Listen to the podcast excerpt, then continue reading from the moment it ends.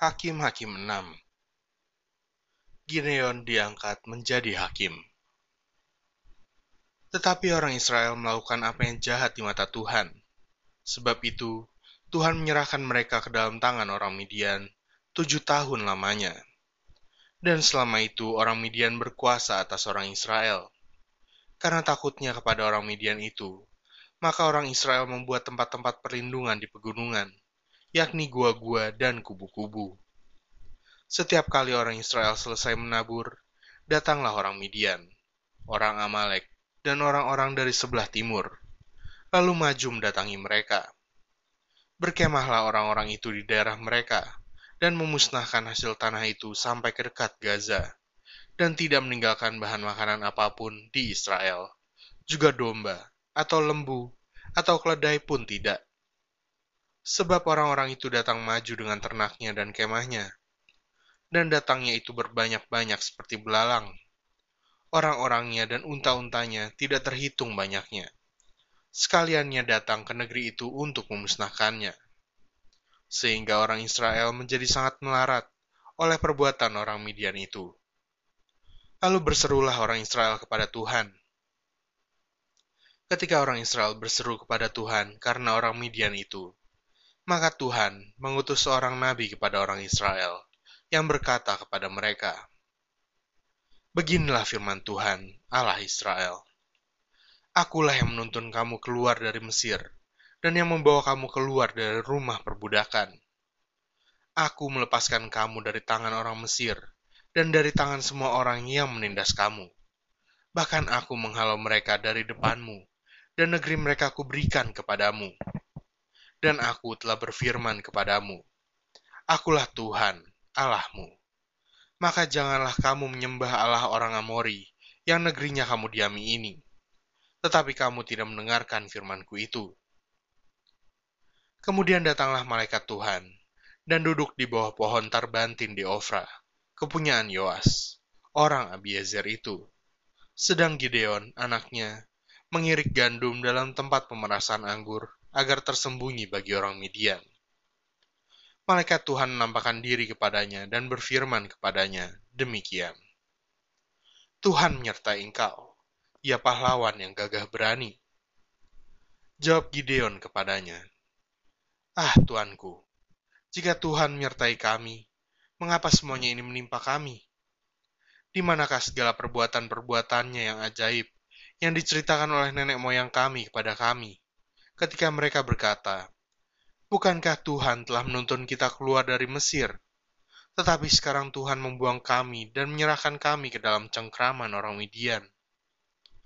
Lalu berpalinglah Tuhan kepadanya dan berfirman, Pergilah dengan kekuatanmu ini, dan selamatkanlah orang Israel dari cengkraman orang Midian. Bukankah aku mengutus engkau? Tetapi jawabnya kepadanya, Ah Tuhanku, dengan apakah akan kuselamatkan orang Israel? Ketahuilah kaumku adalah yang paling kecil di antara suku Manasye, dan aku pun seorang yang paling muda di antara kaum keluargaku. Berfirmanlah Tuhan kepadanya, Tetapi akulah yang menyertai engkau, sebab itu engkau akan memukul kalah orang Midian itu sampai habis. Maka jawabnya kepadanya, Jika sekiranya aku mendapat kasih karunia di matamu, maka berikanlah kepadaku tanda bahwa engkau sendirilah yang berfirman kepadaku.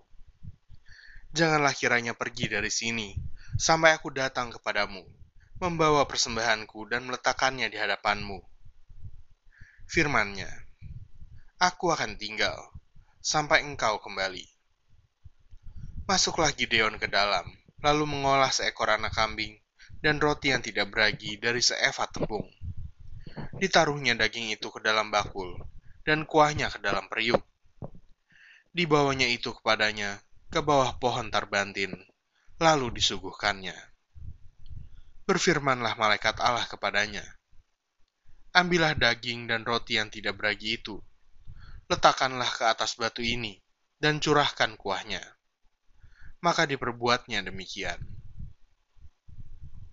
Dan malaikat Tuhan mengulurkan tongkat yang ada di tangannya, Dengan ujungnya disinggungnya daging dan roti itu.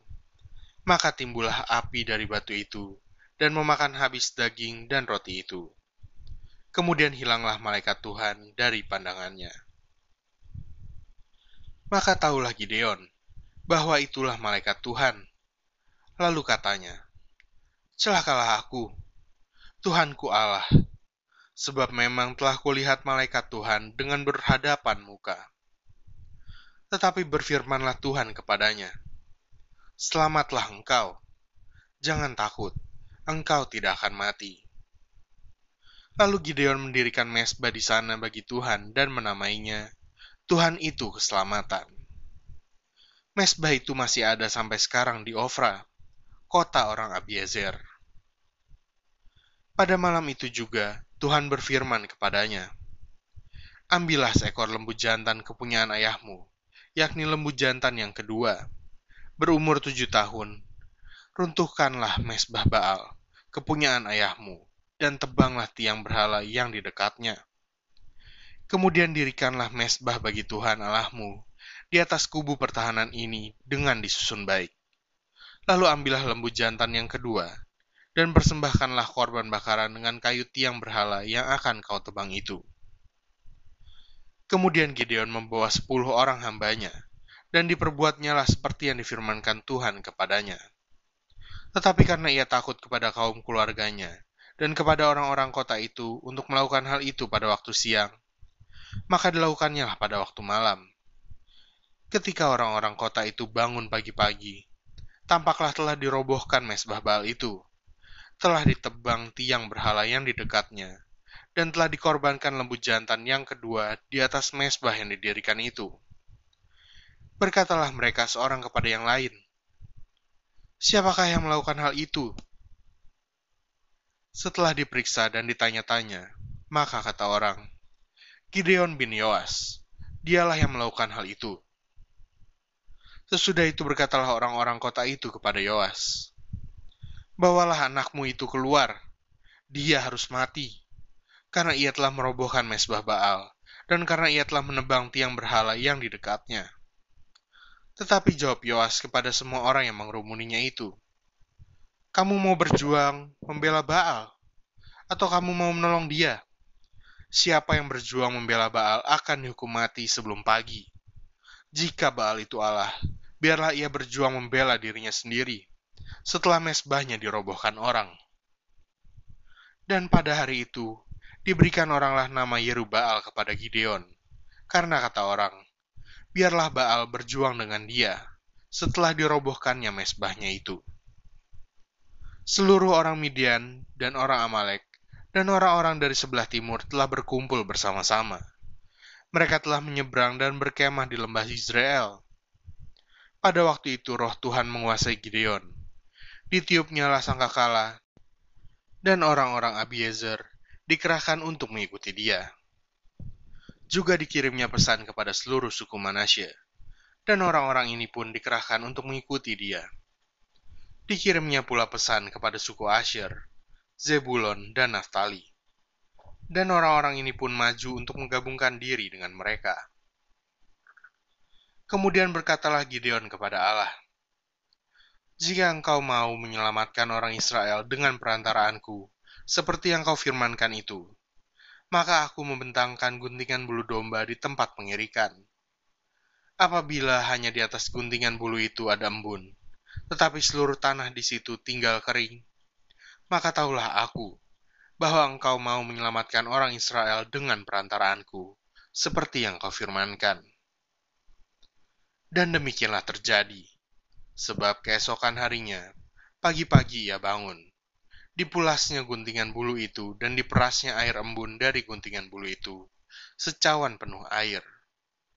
Lalu berkatalah Gideon kepada Allah, Janganlah kiranya murkamu bangkit terhadap aku, apabila aku berkata lagi, sekali ini saja.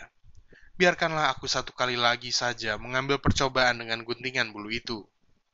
Sekiranya yang kering hanya guntingan bulu itu, dan di atas seluruh tanah itu ada embun, dan demikianlah diperbuat Allah pada malam itu.